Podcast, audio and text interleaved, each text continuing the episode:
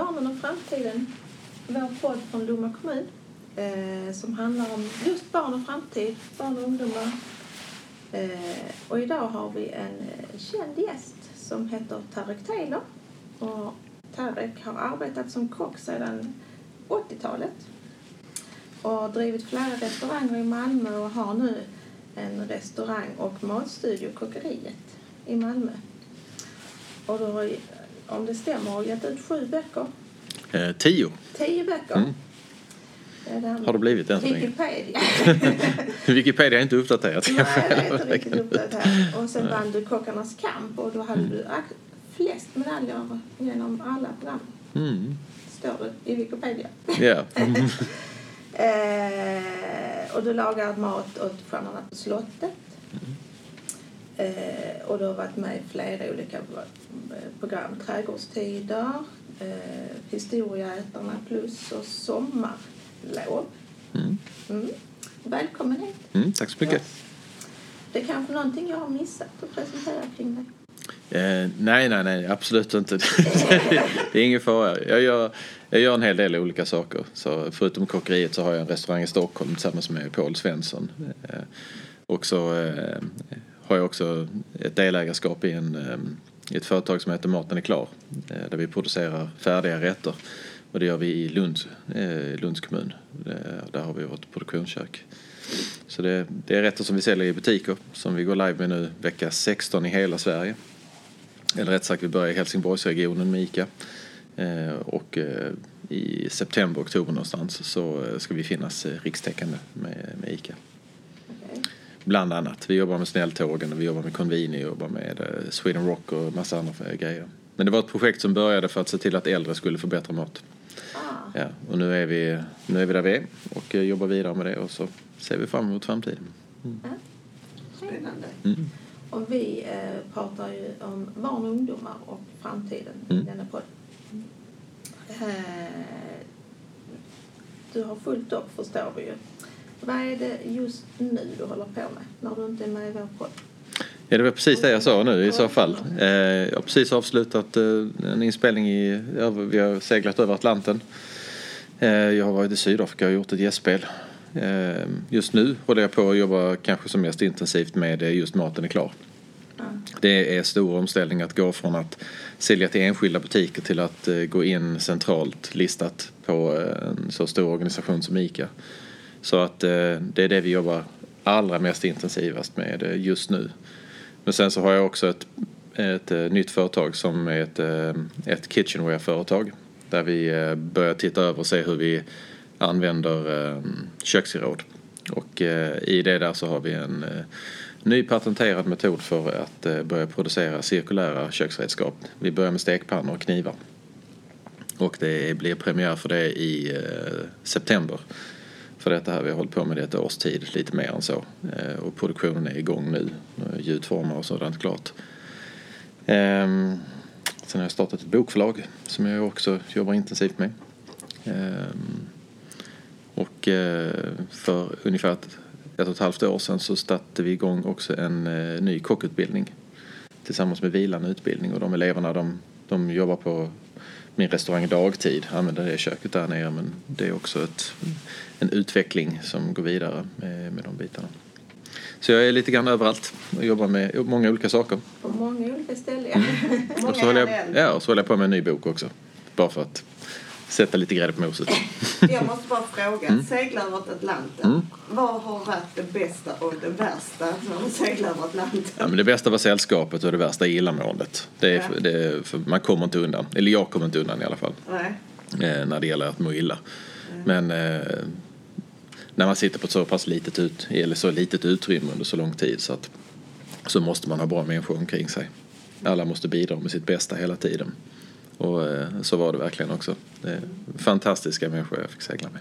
Hur gör du då för att bidra med ditt bästa när man kanske inte mår så bra och mår rätt dåligt? Ja, men man kan ju vara glad ändå. Ja. Bara för att man mår lite illa och kräks så behöver man ju inte vara sur. Nej. Så att, eh, eh, och så är det ju med det mesta i livet. Motgångar kommer ju. Men det finns bara två sätt att tackla det. Antingen så faller man för det och så blir man olyckan eller så hanterar man det. Hanterar man olyckan med ett gott humör. Man behöver ju inte dra ner andra i skiten bara för att man själv har det dåligt. Så att, eh, och så är det ju med, med allt i livet egentligen. Det är viktigt. Mm. Eh, har du någon speciell filosofi kring barn och kost? Jag tycker att det, nej, det kan jag väl inte riktigt påstå att jag har någon speciell filosofi kring det eh, när det gäller barn och kost. Det jag tycker är väl att eh, Eh, i mångt och mycket så eh, komplicerar vi föräldrar det eh, onödigt mycket. Eh, och det får effekter på så många olika håll. Ser man hur vi hanterar kosthållning kring våra barn i Sverige och då jag är absolut en av dem inräknat så lagar vi annan mat till barnen än vad vi lagar till oss själva.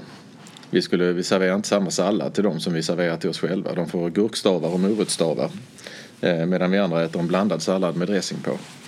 Eh, och som att vi ska skydda barnen från smak. Det är, det är rent bisarrt. När man kommer utomlands och tittar på barn, vad barn äter för någonting. Eh, för många resor som jag gjort i, i Asien och, och i eh, ja, Italien eller vad tusan man än är. Barnen äter precis samma sak som alla vuxna. Det finns ingen skillnad överhuvudtaget. Och det här, det här ska jag säga, inom situationstecken eh, daltandet eller standardiserandet utav eh, barnens kost. Att det blir pasta och köttbullar därför att det vet man att det blir inget gnäll. Eh, och så separerar man alla grönsaker så att de kan smaka lite av varje. Eh, det här får effekter på skolmaten och det får effekter på hur man hur pass eh, man tar till sig smaker och hur pass eh, komplex ens palett blir under den utvecklingsperiod som man har som barn så behöver man bli utsatt för smaker, konsistenser, texturer, eh, dofter, upplevelser. Eh, då lär man sig. Eh, det är inte så att man föds med, med preferenser. Preferenser är någonting man, man anförskaffar sig under tiden. Det finns många forskare som har, som har studerat detta och kommit överens om att när det gäller just antalet smaklökar och smakupplevelser så är vi alla identiska i stort sett. Vi känner samma dofter och vi känner samma smak. Men om vi tycker om dem eller inte är en personlig preferens. Det kan bero på dåliga minnen eller det kan bero på eh, fantastiska situationer där eh, den ena avskyr surströmming men den andra tycker det är gott. Eh, för att det finns olika referenspunkter till det. Så att det finns, eh, och sen så är det naturligtvis alla människor kan dofta olika intensivt. Eh, alltså vi känner doft olika eh, med olika stor intensitet. Men vi känner samma doft. Rosen luktar likadant för mig som den gör för dig. Men din näsa kanske är känsligare så att du känner mer av rosens doft. Så att det här med att våga stå upp för att bra mat är bra mat. Det, det, när det gäller ens barn. Ehm, det kan ju det kan ju vara självklart att säga men när man, när man tittar på hur vi hanterar barnens mat så är det inte alltid bra mat. Därför barnen tycker det var godare med eh, Scans köttbullar för det var inga lökbitar i dem. Och så ger vi oss. Och så köper vi det för att det är enkelt. När barn tyckte det var godare med en prinskorv än den där eh, hantverksmässiga gjorda chorizon som, eh, som låg i kylen där. Och så ger vi oss.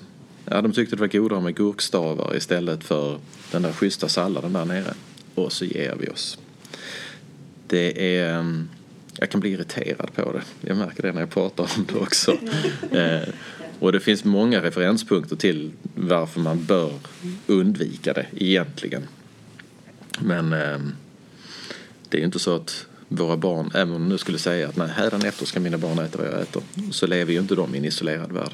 De lever med sina kamrater. Det här är ju utspritt. Det är, ett, eh, det är en, eh, en standard överallt. Det, det var ett långt svar på en liten fråga. Ja, mm. det kan ju också vara ett, ett sätt där man umgås med barnen. Att man, man, det ska gå snabbt innan träning och det ska gå snabbt innan olika aktiviteter. Ska det det? Det kan vara så. Varför ska det gå snabbt? Nej, precis. jag, har, jag tror att man tänker så ganska ofta faktiskt. Så att då gör man kanske inte den här, eh, väntar man och gör den goda salladen själv. Ja, jag tänker på att, att det ska gå snabbt innan träning. Det betyder ju inte att maten behöver vara Scans köttbullar. Nej. Eh, att det går snabbt innan träning behöver ju inte heller betyda att man inte gör någonting vettigt av det man ska käka. Mm. Och, och snabbt innan träning kanske inte är middagen. För snabbt innan träning då, då vill man inte stoppa i sig en stor måltid och gå och träna. Då kräks man när man anstränger sig. Man behöver någonting annat då. Mm. Så att, ehm, ja. Jag tror det är viktigt att man tar den här tiden att sitta tillsammans också. För det har ju också det här med, som du säger, upplevelsen att göra. Ja, absolut. Absolut. Mm.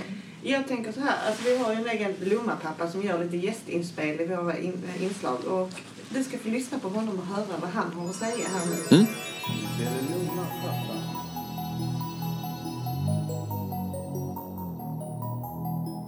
Lomma-pappa.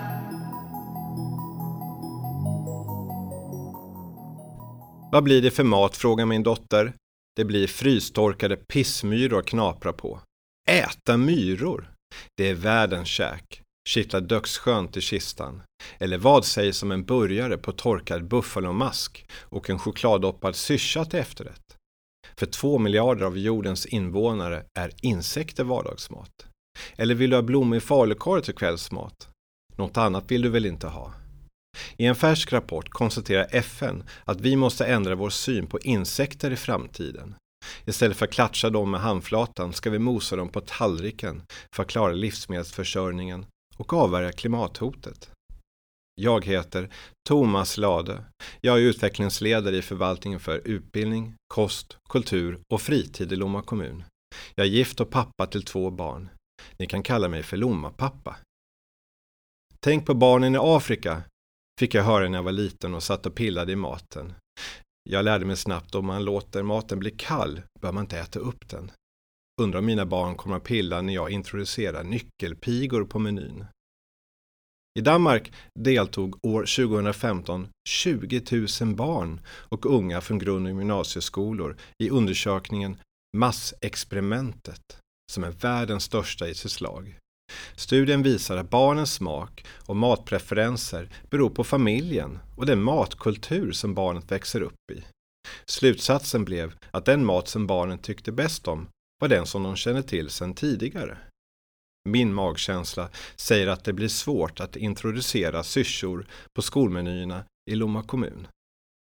Men faktum är att maten vi äter står för ungefär 25 procent av vår klimatpåverkan. I takt med att jordens befolkning ökar behöver våra matvanor förändras. Undrar vad som händer med vällingen i framtiden? Denna paradrätt för småttingar i Sverige.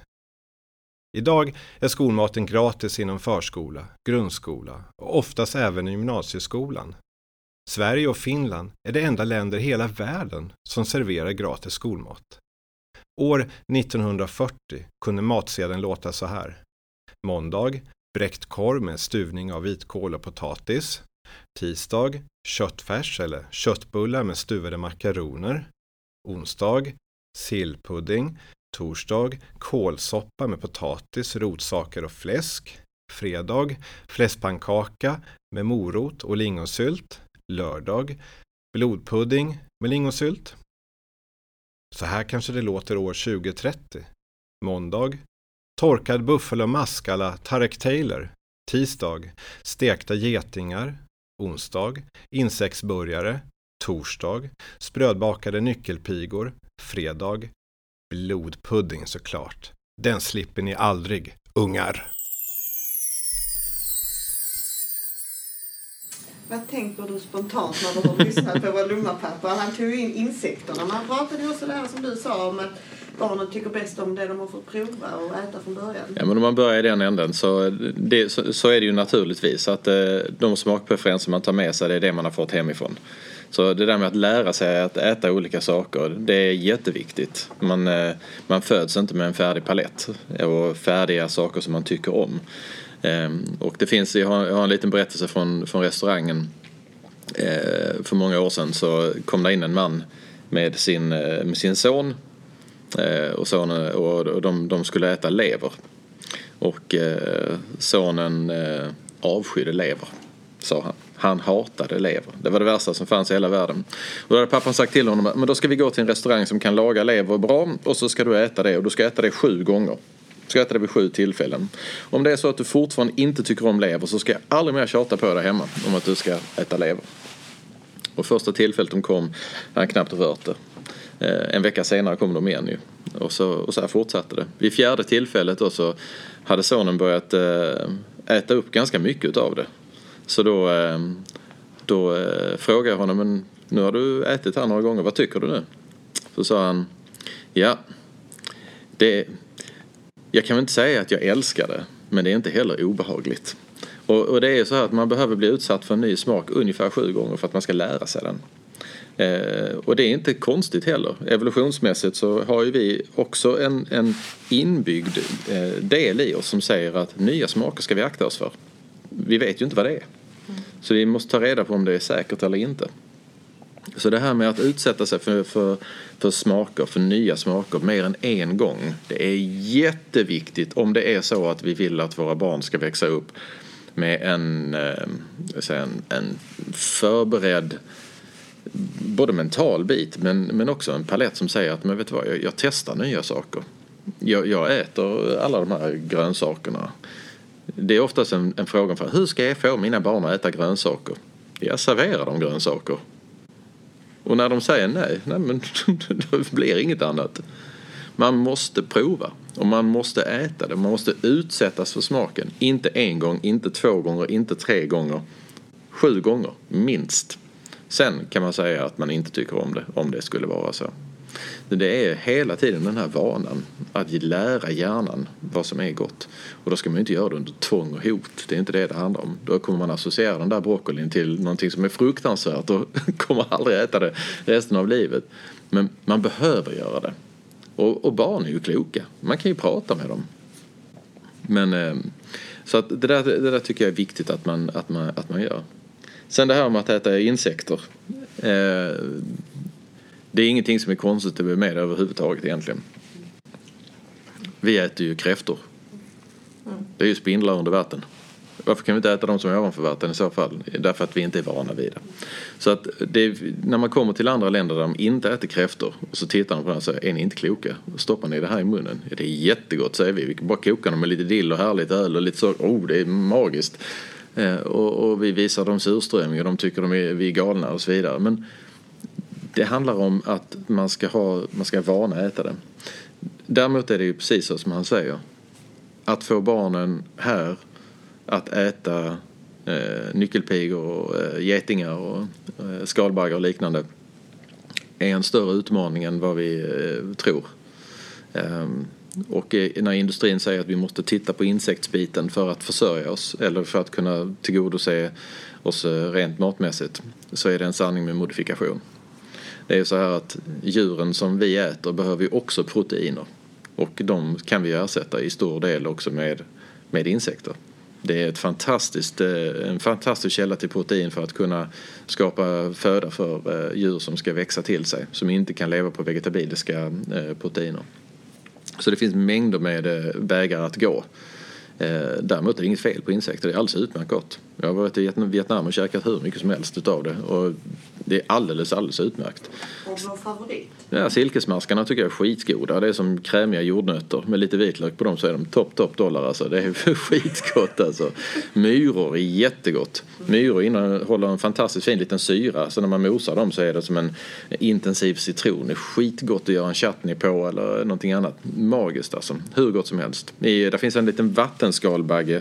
Eh, så när man dratt vingarna och klipper ner den så eh, smakar den tryffel. Det är fantastiskt. Det finns hur mycket som helst. Men det handlar ju om att man ska våga och testa.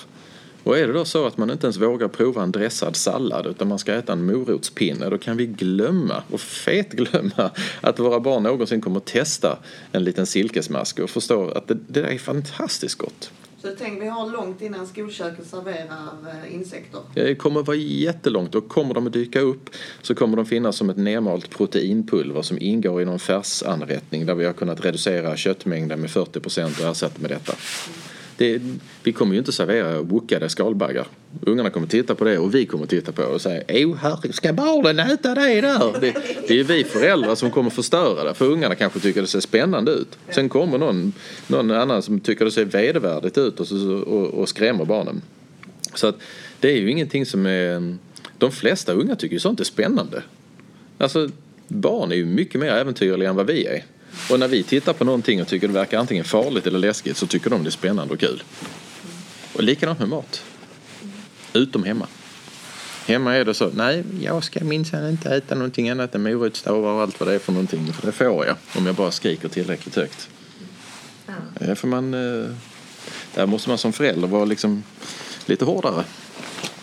Så rådet är att, att eh, äta samma mat och så våga prova lite annat. Om det inte Man finns några kanske allergi- inte börja med silkesmaskar. Nej, verkligen inte. Men är det så att det inte finns några specifika allergier eller någon- någonting annat som hindrar barnen från att äta samma mat som, som du äter. Varför i hela fridens namn ska du stå på, eh, vid spisen och laga eh, en, två eller tre rätter? Därför att den ene vill ha en fiskpinne och den andra vill ha en köttbulle. Är vi, har vi blivit så bortskämda? Det är ju förfärligt tycker jag. Ja. Jag tänker så här också att eh, hållbarhetsmässigt att man behöver kanske odla mer. Alltså att vi behöver äta bönor och linser och sånt och det tycker ju barn om. Gud, ja absolut. Och det är alltid spännande. Alltså att odla för, för, eh, för eget bruk kräver sådana arealer så att det är, det är bananas och tänka att man ska bli självförsörjande på sin lilla kolonilott. Men man ska göra det för att det är fantastiskt roligt. Och man får en kännedom om var saker och ting kommer ifrån. Och örter kan man ju verkligen odla så att man kan ha till, eh, så man kan vara självförsörjd på det. Inga problem. Och underbart att skörda sin egen potatis. Det är jätteviktigt att göra alla de här bitarna. Och ännu viktigare att göra det på skolor också. Det är ju inte alla som har en trädgård. Det är inte alla som har möjlighet att odla. Så i eh, matsalar och sånt så skulle jag förespråka att man har massor med färska örter. Att man har en liten köksträdgård där ungarna kan få lov att sätta lite morötter och rycka dem och förstå var saker och ting kommer ifrån. Det är jätteviktigt. Vi gör ju det en del på förskolor men Mm. det går inte så långt för man kan inte odla så mycket. Så man får lite smakprov. Ja, och det är kanske allt som behövs också. Men det finns ju många kloka sätt att odla på idag där man inte ens behöver jord. Hydroponiska växter, eh, växter hy- eller växterna, men hydroponiska odlingar inomhus. Det finns mängder med varianter man kan göra. Och inte bara på förskola. Förskolan är jättehärlig för där kan vi ta eleverna i handen och gå ut och vi, vi, vi nuttar med det och det, det är jätteunderbart. Det är precis som det ska vara. Men vi får inte tappa det i tonåren. Nej. Tonåren är superviktiga. I tonåren lär vi oss mer och mer om socialt samspel i, ett, i en matsal. Hur sitter vi och hur äter vi? Hur, hur, hur för vi en dialog? Hur mycket respekt visar man egentligen när man sitter och, och håller på och fjantar sig på ena sidan och någon annan försöker äta? Det här med, att, med bordsskick, det låter ju som att jag är 90 år gammal men i det här sociala spelet där man sitter ner och äter tillsammans så lär man sig fruktansvärt mycket om varandra. Det är en, en jättefin miljö att, att, eh, att mötas och, och ha, ha trevligt. Och, och, eh, en matstund kan vara fantastisk och den kan också vara fruktansvärd beroende på hur eh, saker och ting utspelas omkring. Och jag, jag tänker ju det här med att eh, skolans ansvar börjar ju sluta naturligtvis där det ska göra. Men jag tänker att måltiden kan lika gärna vara ett ämne i skolan som eh, historia eller religion eller matematik. För i måltiden så innefattas alla de värderingsgrunder och de, de stora ord som det talas om i samhället hela tiden. Nyheterna pratar om miljöbesparingar och vad vi behöver göra för någonting och det talas om närproducerat och det talas om i säsong. Eh, arbetsplatser allierar sig med företag som är eh, cirkulära och har en, zero waste-vision och så vidare. Men vad betyder det egentligen? Vad har jag fått med mig från skolan?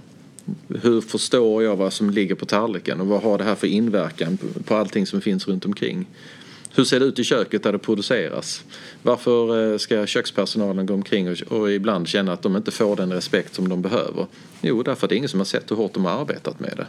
Så det här med måltiden, det innefattar så otroligt många olika aspekter utav det. Det är inte bara det som är lagat, det är vem som har lagat det, hur det är producerat, var det är producerat. Eh, vad gör vi sen efteråt med all disken? Vem diskar den? Eh, är det någon som har tackat diskaren idag? Ingen som vet. Alltså, alla de här bitarna är knutna till människor, till möten, till eh, miljö, till eh, eh, respekt för omgivningen, respekt för varandra. Jag förstår inte varför man inte har gjort måltiden till, en, till ett ämne. Och istället säger spring ni ner och käka och sen är det bara "Woo!" så här. Lägga lite mer fokus och vikt vid det. I allra högsta grad. Ja, och tid, eh, det gör vi inom förskolan. Det är en Mm. jätteviktig kommunikationsstund Mm. under dagen. Jag brukar säga att det är det viktigaste med måltiden faktiskt. Men i grundskolan tappas den bort lite Ja, grann. att man har matsal. Ja. Mm. Mm. Mm. Hur tänker du själv kring hållbarhet? Nej, men precis som jag sa innan, alltså, att jobba i säsong är en, en, en stor och viktig grund i det naturligtvis. Att, eh, gör vi det så är vi också nära. Eh, de, då, behöver vi, då kan vi minimera transporter, vi, kan, eh, vi vet att det som är producerat och som finns här och nu är gjort under de omständigheter som naturen har erbjudit. Det är ett första steg. Det andra naturligtvis är att se till att minska svinn så mycket det bara går. Det finns ju många varianter här just inom skola hur man, där man kan ha sett hur vissa skolor har tagit bort eh, eh, möjligheten att slänga mat.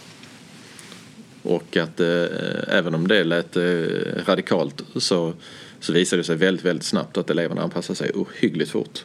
Så man åt det man hade på tallriken. Och sen så var det bra med den biten. Var man, var man verkligen så hungrig så man skulle ta 27 köttbullar? För det är ju det är många som berättar om det också som jobbar i kök att de populära rätterna, då har vi mest svinn. Därför att då går man dit och så bara lassar man upp och sen så orkar man inte. Så är det. Ja. Och, då, och då är det ju att där behöver man ju eh, tänka klokt. Och det tycker jag att man har gjort i ett sådant läge. Om vi inte ska ha något svinn, ja, men då får vi ta bort möjligheten att skapa svinn först. Och så ser vi var vi, var vi hamnar någonstans. Och alla de här små stegen som man tar, de är utmanande för, för alla. För personal och för elever. Och det är bra. Det ska vara utmanande. Annars har man inte tagit något steg. Prata om det händer ju ingenting. Man måste göra några aktiva saker. Och, eh, så svinnbiten är enormt stor. Jag, när jag skrev, en- skrev en bok för sju år sedan som vidrörde de här ämnena. Vid det tillfället när jag gjorde de undersökningarna då var Sverige bäst i världen på att slänga mest ätlig mat per invånare. Det är helt galet. Sorgligt. Och detta är ett samhälle där vi anser oss vara väldigt upplysta och framåt och, och, och närvarande och så vidare. Och vi lägger, gör enorma eh, åtgärder för, för miljön. Ändå slänger vi så otroligt mycket ätlig mat. Och ät, slänger vi då 33 procent av all mat som, som är ätlig som produceras.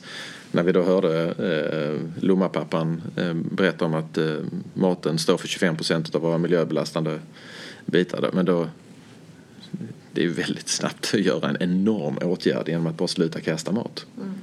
Kan vi då koppla på andra Hur biten? kan man som förälder tänka här, alltså i detta sammanhang som vårdnadshavare? Eh, Som, förälder så tycker jag att man ska fokusera på sina barn och ha det bra. Eh, Men vill man göra någonting hemma för sitt eget kylskåp så kan man utmana sig själv genom att försöka laga ut kylskåpet en gång i veckan. Alltså tömma det. Så att man inte storhandlar eh, bara direkt och, och inte tittar in i kylen och säger oh vi har ingenting hemma och så går jag och lagar. Utan titta i alla facken och så försöka att en gång i veckan verkligen tömma det och sen börja fylla på igen. För det är just färskbitarna som vi slänger mycket. Det som ligger i skafferierna och sånt det håller ju oftast ett år eller mer. Så att där är det ingen stor panik. Utan eh, tvingar man sig själv till det så, så blir det naturligt att man börjar göra mycket, mycket mer med sakerna. Och så kanske man tittar i frysen någon gång. Istället för att rensa den en gång om året när man ska knacka ut den här arkeologiska utgrävningen och säga vad fan vad är detta för någonting? Så, så blir det istället att den kanske, nej men vänta här var ju lite grejer från förra veckan. De kan vi stoppa i den här soppan eller vad det nu är för någonting. Att man hittar på lite. Mm. Eller låt ungarna hitta på. Ja. Släpp dem, släpp lös dem. För det är också en, en, det är en av de viktigaste bitarna att få, att få barn att bli intresserade utav mat. Det är också att involvera dem i matlagningen. Låt dem gå bananas i köket. Herregud, vi kan väl städa lite om det skulle vara. Det är inte hela världen. Upptäck och börja tidigt och det är okej att misslyckas och smaka på allt ungarna gör och säga att det är fantastiskt gott även om det är vidrigt att äta det. Det har ingen betydelse. Ät det, se glad ut, säg att det var magiskt. Spåra den här, den här glädjen till att upptäcka glädjen i köket. Det finns ingen som lagar fantastisk mat första gången. Jag vet inte hur många gånger jag ätit leriga soppor som min dotter har gjort till höger och vänster för hon har varit i trädgården och gjort någonting. Men det, det, det är gott varje gång. Och gör man det då på det sättet då blir det ju kul att ställa sig i köket. Så att det är superviktigt att man sporrar det där. Och inte säga oh, nej, nej, nu blir det stökigt. Går ni och spelar tv-spel så, eller gör läxorna så säger jag till när maten är klar. Då har man ju redan sagt till dem att du är inte välkommen i köket. Nej, för fan. In här nu. Nu gör vi det här tillsammans. Eller, eller gör du det själv om du vill. Det, barn kan otroligt mycket mer än man tror. Om det är något jag har lärt mig så är det den biten kan jag säga. Ja. För när jag, när jag var med, ni nämnde sommarlov. Då stod jag och lagade mat med barn som var ja, alltifrån 6-7 år till ja, 8-10 år någonting, stan- någonstans där. Och eh, när man släpper loss barn i köket och så tänker man, oh nu är det knivar och grejer och det ska stekas och det kommer skvätta och det är allt vad det är för någonting. Alla, alla farhågor som förälder. Så ser man att de bara, de bara glider igenom det. Inga problem. Och bränner de sig så bränner de sig. Skär de sig så skär de sig. Det är inte så som skär sig en arm. De kanske skär sig ett litet sår i fingret och det finns ett plåster någonstans. Det är okej. Det är lugnt. Men vi är oftast väldigt rädda för att släppa dem. Av flera olika anledningar. Eh, ja, eh, vi ska nog tänka lite mer så i, i vår verksamhet också. Mm. Kanske göra lite mer. Göra lite mer, låta- släppa loss. Det gör vi en del, men man kan göra det ännu mer. Ja. Mm. Eh, jag tänker så här. Eh, finns det någonting som man alltid har hemma eller som du alltid har hemma som förgyller vardagsmaten för barn? Som förgyller den. Oj. Någon sån här grund man ska ha? Det kan jag faktiskt inte riktigt påstå att jag har. Inte, som, eh, inte på det sättet. Jag har... Eh, mitt kök ser nog ut som de flesta fast jag har oftast väldigt mycket mer utav alltihopa. För, för det blir väldigt mycket matlagning hemma. Men, eh, och med väldigt mycket mer menar jag för att jag, står, jag har kokböcker hemma också. Så jag, jag har kryddor till... Så, jag skulle kunna öppna en kryddbutik i, i stort sett. Och... Eh, det finns alltid en väldigt, väldigt, väldigt massa eh, torr, torrvaror hemma.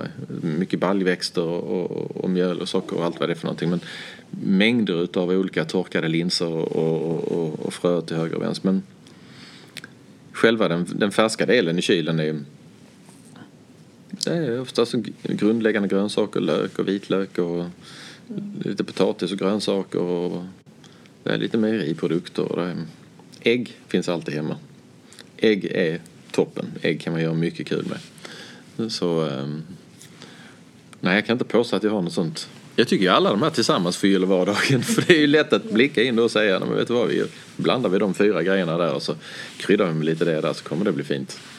Så att... ehm, nej.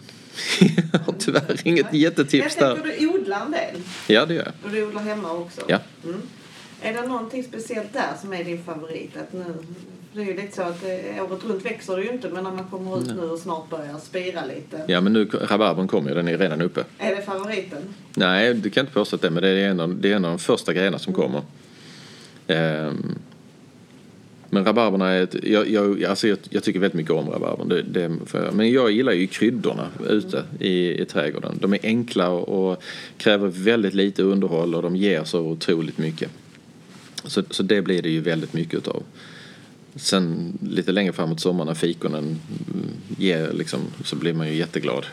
Där går man ju nallar hela tiden. Och, men sen så gillar jag ju vanliga som morötter och betor och, och, och potatis och, och lök. Och, och det är härligt att skörda de bitarna.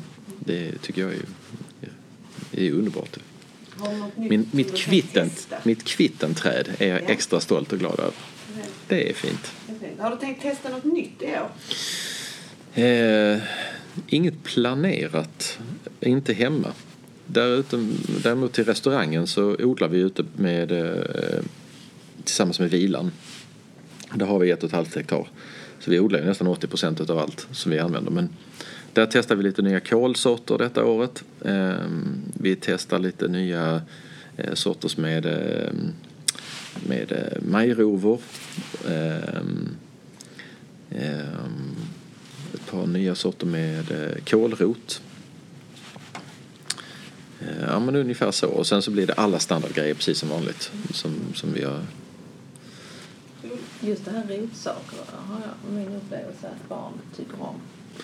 Ja, ja, gud. Det, det smakar ju gott. Och nu har vi haft här i Lomma kommun faktiskt den här veckans grönsak. Mm. Så man har fått in bilder, fått in en Mm. grönsak som man faktiskt får se hur den ser ut och sen så har de fått smaka olika former av till exempel en morot. Det är Ja. jättebra. Ja. Superbra. Ja, det är super, super, super gott. Min, min upplevelse av barn, vad barn tycker om och inte tycker om, är att de... Alltså unga gillar egentligen allt. När min dotter kom hem från... Jag är en dålig förälder nu när, nu när jag berättar detta här kanske. Men, men, nej, I början när, när, när min dotter började på dagis så eh, hon var superglad i mat. Och sen efter ett litet tag när hon kom hem från dagis så började hon, nej det är äckligt, jag ska inte smaka. Så tänkte jag, men du åt ju det här förra veckan, det var hur gott som helst. Så sa nej det är äckligt, jag ska inte äta. Och det här började eskalera och blev värre och värre och värre. Och sen förstod jag det ungefär som att nej men det var någon grej som hon hade plockat upp på dagis. Att nej det var äckligt, jag ska inte äta. Och hade det som en lek hemma. Problemet var att den leken funkade ju inte hemma. För då, ska, nu ska vi sitta ner och äta. Och den här maten, den ska du ha in i, du ska, du ska äta detta här. Och det blev ju till slut att jag, jag blev ju lika dum som hon. Så hon fick ju inte lämna bordet för hon har ätit. Åh, vilka våndor vi. Alltså hon, hon satt där i stolen och hon grät och hon skrek. Och det gick eh, 20 minuter och det gick en halvtimme och det gick en timme. Och till slut så började liksom det här av, av, mattas av och så åt hon. Och jag kände mig som, här, alltså nu har jag gett henne men för livet. Jag har tvingat mitt barn att äta denna maten. Eh, hon fick inte lämna bordet för hon hade ätit maten. Eh, och, det, det kunde, och det pågick i eh, tre, fyra dagar. Riktigt intensivt. Efter en vecka var det borta. Och jag ska inte säga att det här var liksom, det här är medicinen för att göra det. Men någonstans lite grann ja.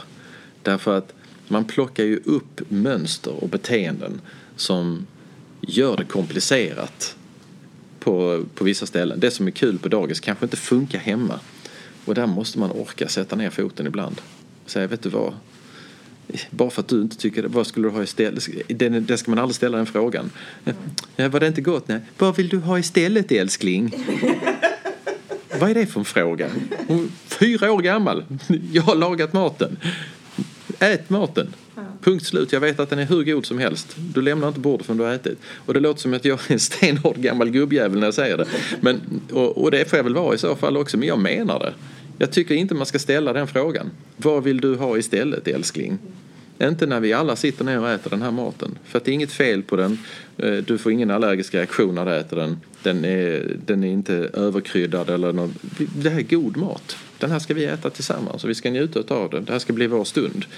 Och då ska jag inte gå upp och smälla ner några köttbullar eller några prinskorvar i stekpannan och ge dem morotsstavar. Utan detta är vad vi äter idag. Punkt slut. Och jag, när jag kom ihåg min mamma var dagmamma. Då hade vi en, eh, ett av dagbarnen vägrade att äta maten hemma. Och mamma lagade allt från grunden. Det var skitgod mat alltid. Vi, vi slevade i oss och vi hade det hur bra som helst. Men ett av barnen ville inte äta. Hon skulle äta pinnamad.